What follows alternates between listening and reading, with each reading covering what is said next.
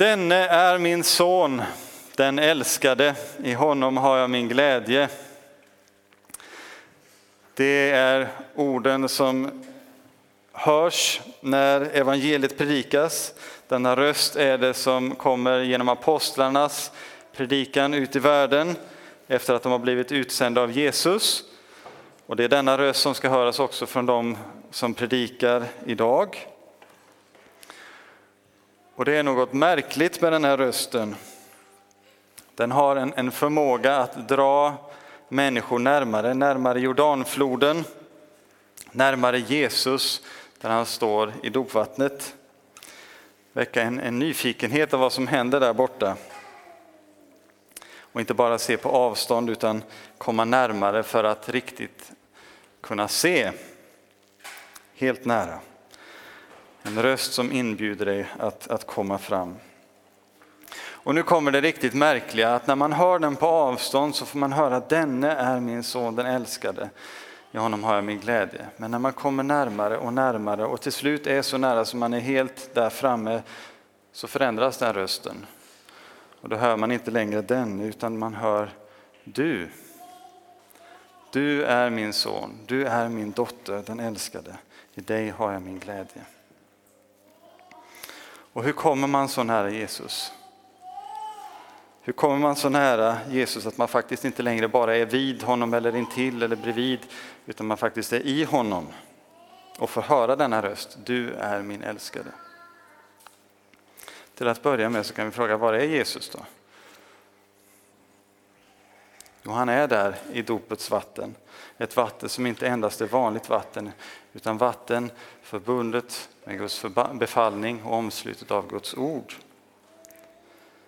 med Jesus själv som är Guds levande ord. Han finns där i vattnet, han står där i vattnet. Där många före honom, när han är där i Jordanfloden, har gått för att bekänna sina synder och få dem förlåtna. Och där många också efteråt kom för att bekänna sina synder och få dem förlåtna. Och där Alexander nu också har fått ta emot förlåtelsens bad. Där står Jesus, där finns Jesus. Tar på sig våra synder och ger oss istället syndernas förlåtelse, befriar ifrån döden och djävulen och ger den eviga saligheten åt alla som tror på det, så som Guds ord och löfte säger. Från Lilla katekesen. Och sen står det över i, när Jesus döptes, så står det att himlen öppnades över honom. Och Det innebär då också att när man är i Jesus så är himlen också öppen över oss för alltid. Så att vi alltid kan be som Guds söner och döttrar med samma ställning inför honom som Jesus, Guds son, hade. Och vi får veta att vår far i himlen vill höra och gärna vill svara och ge oss sitt goda. Och det som är hans goda är kanske inte alltid det vi har frågat om. Men det goda som han vill ge oss är sin heliga ande. Samma ande som kom ner över Jesus i dopet när han stod där i Jordans vatten. Anden som har kallat oss genom evangelium, genom Guds röst, kallat och dragit oss och fortsätter dra oss närmare Jesus. Det var många som hade gått ner i Jordanflodens vatten före och efter, men inte egentligen med någon annan avsikt än att kanske ta sig över till andra sidan, eller för att tvätta sig eller tvätta något. Det blev inget dop. De blev inte döpta, de fick inte ta emot förlåtelse då. Då var det bara vanligt vatten. Men när Guds ord, när Jesus finns i det, så kan det göra stora saker. Och tron som förtröstar på detta Guds ord i vattnet. För utan Guds ord, utan Jesus, så är vattnet vanligt vatten och inget dop. Men med Guds ord, med Jesus, så är det ett dop, det vill säga ett nåderikt livets vatten och ett bad till ny födelse, förnyelse i den heliga Ande. Så dopet för oss så nära att vi faktiskt är i Jesus. Men nu har vi också i de här styckena som jag citerat i Lilla katekesen hört detta ord tron. Tron som förtröstar på detta Guds ord i vattnet och så vidare. Och det är här det blir svårt. För det är många som har blivit dragna till Jesus eller förda till Jesus i, i dopet, som har fått ta emot det, men som sedan saknar just tron som förtröstar på detta Guds ord i vattnet. Det innebär inte att dopet blir ogiltigt. Gud har fortfarande gjort sitt i dopet. Han har ändå döpt, gett alla sina löften, han har gett sin nåd, han har räckt över gåvan. Men man kan säga att alltihop bara är strunt. Att allt bara är en senare mytbildning, på symboliska handlingar, kanske fina symboliska handlingar, men utan någon verklighet bakom. Kanske att Jesus faktiskt stod där i Jordan, blev döpt av Johannes, det är styrkt av andra historiska källor. Men ingen öppnad himmel, ingen ande som sänkte sig ner, ingen röst från Fadern som hördes, inget sånt. Inte då och inte över någon annan som döps heller efter det. Men från dopet i Jordan går en linje till korset. Jesus döptes till sin död, får vi läsa. Och genom detta dop som han, han talar om, som är hans korsdöd, så går den linjen fortsatt vidare genom graven till påskdagens morgon när Jesus steg upp ur sitt dop, steg upp ur sin grav, uppstod från de döda. Så det här ger verkligen dopet en stark symbolik och särskilt när man gör det med nedsänkning som Luther faktiskt förespråkade. Då blir det en väldigt tydlig symbol. Man begravs eller, och så kommer man upp sedan. Där finns en förening med Jesus i hans död och i hans uppståndelse. Rent faktiskt, inte som en symbol, rent faktiskt. Och det är just på det här det hänger hans uppståndelse. Jag kommer tillbaka till det ganska många gånger och hamrat på den spiken ganska många gånger. Men det är på den allt hänger. De som vittnade om Jesu uppståndelse med risk för döden, och ofta med döden som följd, var samma lärjungar som efter korsfästelsen hade gömt sig och var livrädda för vad som skulle hända med dem. Men de hade fått se någonting som fick dem att helt övervinna sin rädsla för döden. Hade de sett en hallucination? Nej, det finns inga kända former av hallucinationer eller psykiska åkommor som kan förklara omständigheterna kring vad Jesu lärjungar såg och vittnesbördet om det och följden senare in i kyrkohistorien. De envisades med att de faktiskt sett Jesus uppstånden. Och av allt vi känner till om detta, av allt vi känner till av olika omständigheter, så finns det ingenting som kan förklara detta utom en enda sak, att han faktiskt uppstod. Vill man, har man två timmar över så kan man gå in på vår Youtube-kanal och så titta på när jag gick igenom de olika diskussionerna kring Jesu uppståndelse. Så där hittar man det från i påskas. Där möter man de flesta invändningar och svaren på dessa. Men så finns också de som vill tro, som kämpar med tvivel, kanske perioder eller ständigt. Det kommer för de flesta av oss.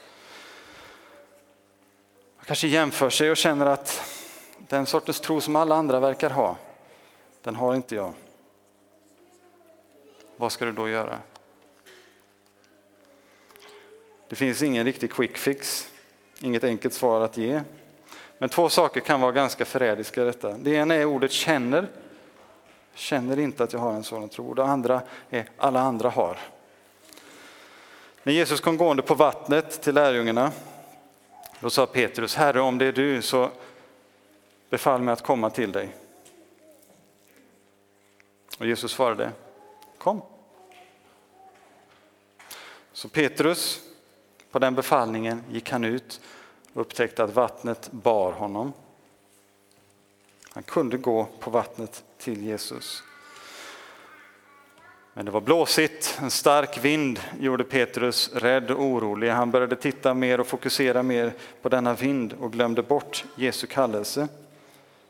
Trots att han egentligen först hade märkt det väldigt speciella att han inte bara sa plopp och plums. Att vattnet faktiskt bar honom. Ändå blev han fylld av tvivel när han såg den starka vinden.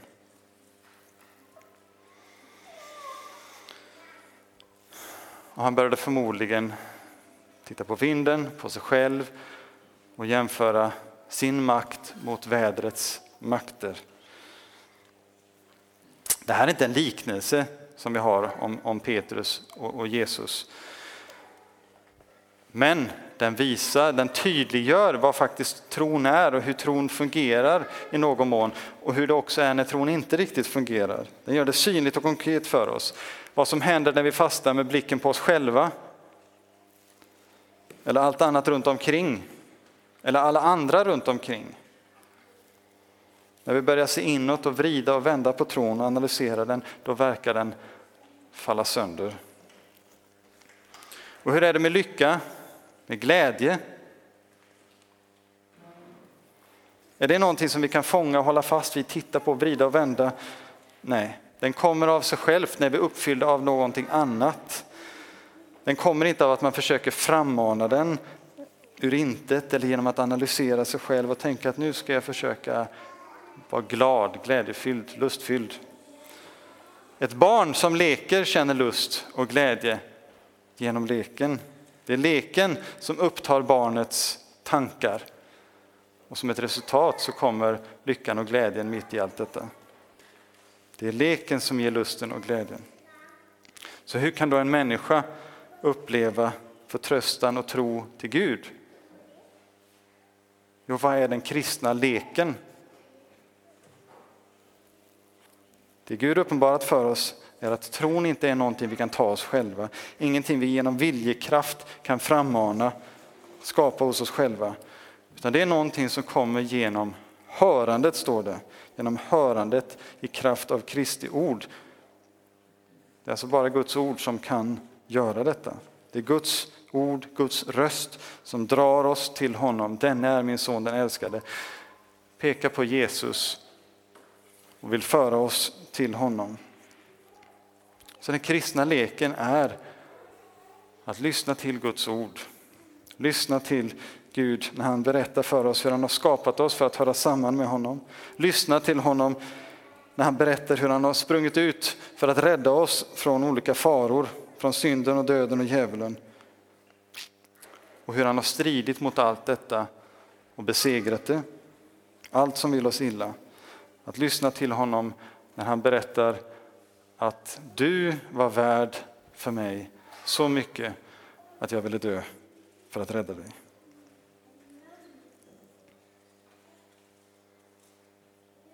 Att först lyssna till Faderns röst när han säger och pekar på Jesus. Denne är min son, den älskade. Och sen låta sig dras allt närmare honom tills du hör du är min älskade son, min älskade dotter. Det innebär att vi inte stannar på vägen och börjar fråga, gäller det här verkligen mig? Kanske inbillat med alltihopa, utan lyder Jesu befallning. Kom! Den befallningen gäller alla utan undantag. Man behöver aldrig fundera på om den gäller mig. Vi kanske tvivlar. Så är det. Men vi ska inte stanna där, utan vi går ändå, bekänner våra tvivel, bekänner kanske vår otro och ber Jesus om hjälp att överkomma tvivlen. För detta är kanske egentligen det bästa tecknet på vad tro är. Det kan bli ganska abstrakt, man fattar inte vad är det, det är något luddigt som jag inte riktigt vet vad det är. Men ett ganska konkret uttryck för vad tro är, det är att det är till Gud vi vänder oss. När vi har, har det svårt, när vi har det tufft, när vi lider nöd, när vi har gjort någonting fel, när vi är glada, när vi är tacksamma. Det är till Gud vi vänder oss och ropar i all vår nöd. Också när det gäller våra tvivel. Jag tror, hjälp min otro, ropade en desperat pappa till Jesus. Märkligt uttryck. Men det som var tydligt där var att han hade tro därför att han vände sig till Jesus med också sin otro. Paradoxalt nog. Vi får vara ärliga med Gud. När vi är det så fastnar vi inte med blicken på oss själva och försöker gripa tron med våra händer, för det är inte det tron handlar om egentligen. Det är inte tron i sig, utan det är vad tron sträcker sig efter. Och det är Jesus och allt vad han har gjort och allt vad han har lovat. Tro är inte att tro på tron. Man kan höra ofta många människor säga min tro betyder väldigt mycket för mig, eller min tro har burit mig igenom detta. Men då får tron som sak ett osunt fokus. Vad är det det handlar om egentligen? Jo, det är att tro på Jesus, att gripa om Jesus, att gripa om Guds löften, Guds ord och vad han har gjort, vad han har sagt, vad han har lovat. Det här håller jag fast vid. Inte något abstrakt, någon abstrakt känsla i mig själv, utan Jesus. Att ropa till honom i all vår nöd. Och det innebär också att vi inte jämför oss med andra, inte tänker att deras tro eller övertygelse är så mycket större medan jag är en hycklare. Gud handlar med var och en av oss så som vi behöver det för att föra dig till sig. Men han kallar oss alla tillbaka till Jordan, till dopet som förenade dig med Kristus, med hans död och med hans uppståndelse. Så är du i Jesus och allt Jesus har gjort är ditt. Allt han har lovat är ditt i Kristus. Men det här är inte någonting som bara händer en enda gång, en enda dag för Alexander, utan det här är bara början. Det är någonting vi ska göra och leva i varje dag för att den gamle Adam i oss med alla synder med alla onda begär ska dränkas och dö genom daglig ånger och omvändelse och att sedan en ny människa dagligen ska komma fram och uppstå som lever i rättfärdighet och renhet inför Gud för evigt. Lilla katekesen igen. Och nu har vi vandrat igenom hela dopets huvudstycke. Så är det alltid i dopets vatten. Så är det alltid när vi återvänder dit. Så är det alltid när vi lever i vårt dop. Hela vårt liv ska vi leva på denna lilla plats allihopa. Under den öppna himlen med anden som skapar uppehåller vår förtröstan på Gud och glada över Faderns kärlek till oss i Kristus Jesus. Och nu är en sådan stund när vi återvänder till Jordan, till Jesus, återvänder till vårt dop och ropar till honom i all vår nöd för att dö bort från oss själva, våra själviska begär, vår självupptagenhet, allt vad det kan vara som skadar oss själva och våra medmänniskor. Det får vi bekänna, lägga av oss här nere i dopgraven och sedan låta en ny människa komma fram, uppstå med Kristus, leva för honom i rättfärdighet och renhet för evigt. Så låt oss därför be och bekänna.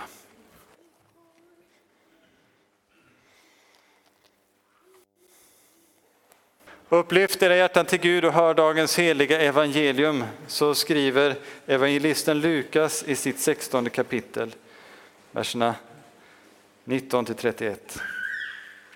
Jesus sade, det var en rik man som klädde sig i purpur och fint linne och levde var dag i glädje och fest. Men vid hans port låg en fattig man som hette Lazarus, full av sår. Han längtade efter att få äta sig mätt på det som föll från den rike mannens bord. Ja, hundarna kom och slickade hans sår. Så dog den fattige och fördes av änglarna till platsen vid Abrahams sida. Även den rike dog och begravdes. När han plågades i helvetet lyfte han blicken och fick se Abraham långt borta och Lazarus hos honom. Då ropade han Fader Abraham, förbarma dig över mig och skicka Lazarus att doppa fingerspetsen i vatten för att svalka min tunga, till jag plågas i denna eld. Men Abraham svarade, mitt barn, kom ihåg att du fick ut ditt goda medan du levde, under det att Lazarus fick ut det onda. Nu får han tröst och du plåga. Och till allt detta kommer att det är en stor gapande klyfta mellan oss och er, för att de som vill gå över härifrån till er inte ska kunna det, och för att inte heller någon därifrån ska kunna komma över till oss. Den rike mannen sade, då ber jag dig fader att du skickar honom till min fars hus för att varna mina fem bröder, så att inte de också kommer till detta pinorum. Men Abraham sade, de har Mose och profeterna, de ska de lyssna till. Nej, fader Abraham, svarade han, men om någon kommer till dem från de döda omvänder de sig. Abraham sade till honom, lyssnar de inte till Mose och profeterna kommer de inte heller att bli övertygade ens om någon uppstår från de döda. Så lyder det heliga evangeliet. Lovad vare du, Kristus. Somliga av oss kan bli sjuka och så är det för Jakob som skulle stått i predikstolen nu. Och så här skriver Jakob som inledning. Det här är ju en lite underlig situation där min far står och läser min predikan. För det är jag tacksam. Jag hade förstås föredragit att få vara med själv idag. Och alla eventuella tveksamheter eller misstag i predikan ska lastas på mig. Vi har läst tre texter idag som samlas under temat Gud eller världen. De passar väl samman och predikaren och Lukas ger två perspektiv på valet en människa står inför här i världen. Medan aposteln Johannes talar om den underbara frimodigheten som en kristen har inför domens dag. Vi kommer i dagens predikan att hoppa mellan de tre texterna men fokusera på Jesu berättelse om Lazarus och den rike mannen under temat Med Jesus i världen. Låt oss först tala eh, om några av de saker som kan reta vår nyfikenhet. Är det verkligen en liknelse som Jesus berättar? För inte någon annanstans hittar vi någon liknelse som använder två personnamn. Som där, här, där Jesus talar om Lazarus och Abraham. Det saknar också något av det karaktäristiska, det var som när eller liknande, som Jesus ofta använder när han inleder en liknelse. Det kan ha varit så att båda personerna var kända av de som lyssnade på Jesus den dagen. Och att Jesus gjorde en poäng av att bara nämna den fattiges namn som Eh, att det till skillnad från den rikes var ihågkommet i himlen. Eller så är det så att Jesus vill göra en koppling mellan Eliaser som var Abrahams tjänare och som egentligen skulle ärva allt om inte Isak hade fötts. Eliaser blir i grekisk form Lazarus. Hur det egentligen förhåller sig kan vi inte veta. Något som förmodligen överraskade åhörarna det var att den rike mannen framställdes som ond och som den som hamnade i helvetet. Hade inte Gud välsignat honom med ett materiellt välstånd som tecken på att han var en god man? Och den fattige, hade han inte levt i armod för att han förtjänade det?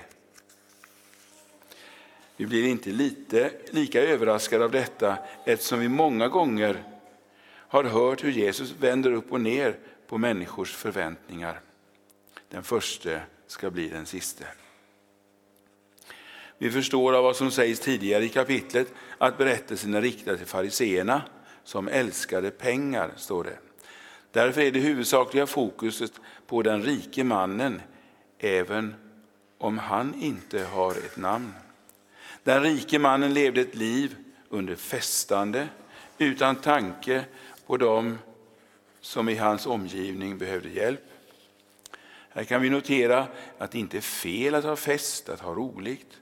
Men människornas kallelse är huvudsakligen att arbeta, vilket vi hör redan om i skapelsen, där människorna fick i uppgift att arbeta och lägga jorden under sig. Livet på jorden är förgängligt. Texten från Predikaren beskriver i poetiska ordalag hur livet som gammal är så olikt det liv som de flesta av oss lever med relativt unga och väl fungerande kroppar.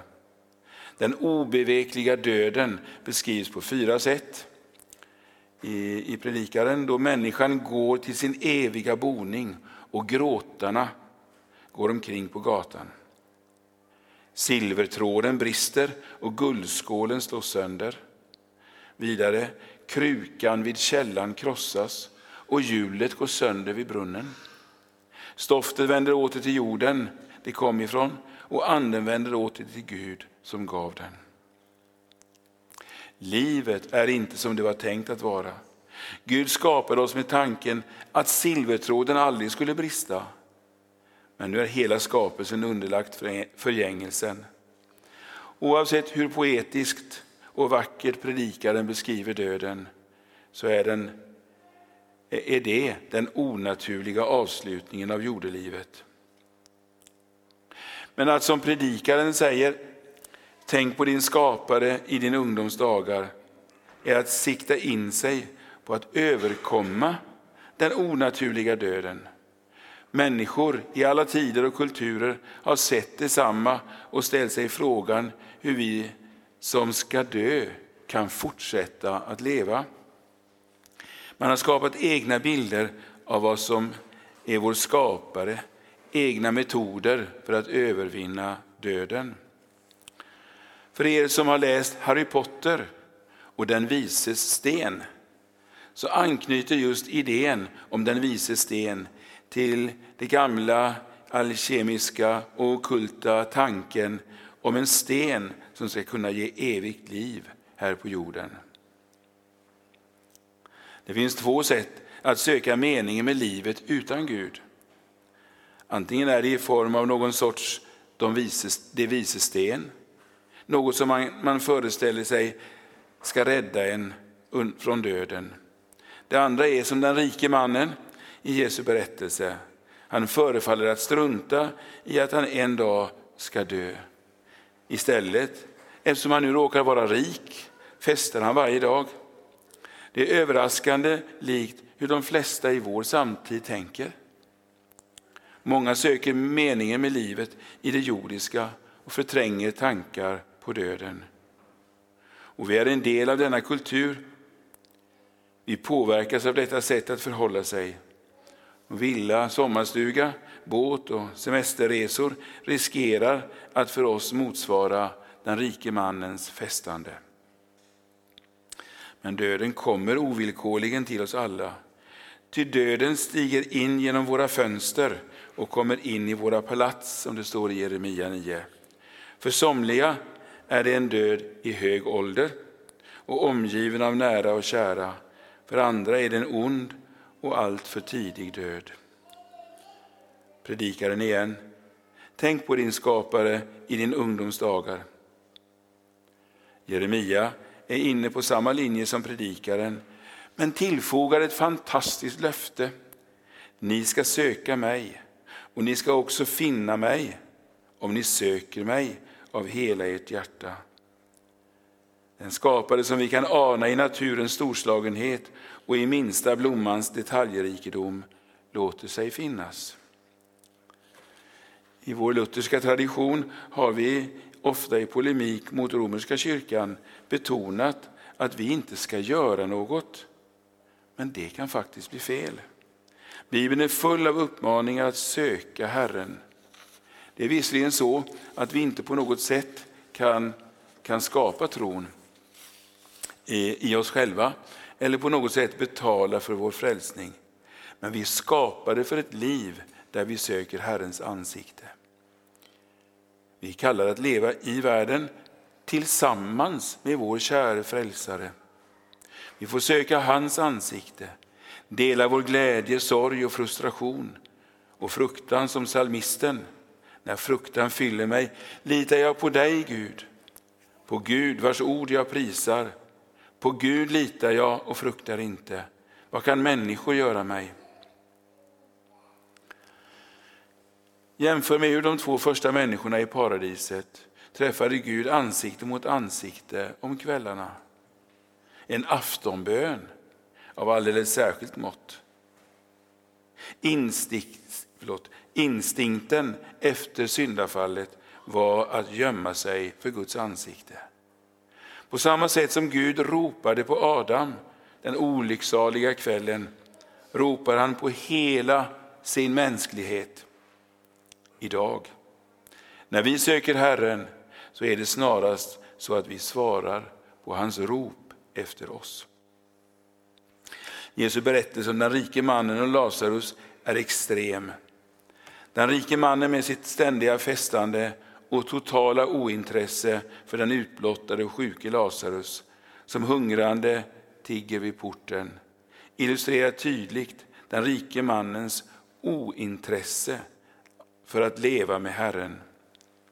I dagens episteltext står det om någon säger att han älskar Gud men hatar sin broder så är han en lögnare. Det är lätt att tänka att vi knappast festar varje dag och inte heller ligger det någon Lazarus vid vår port.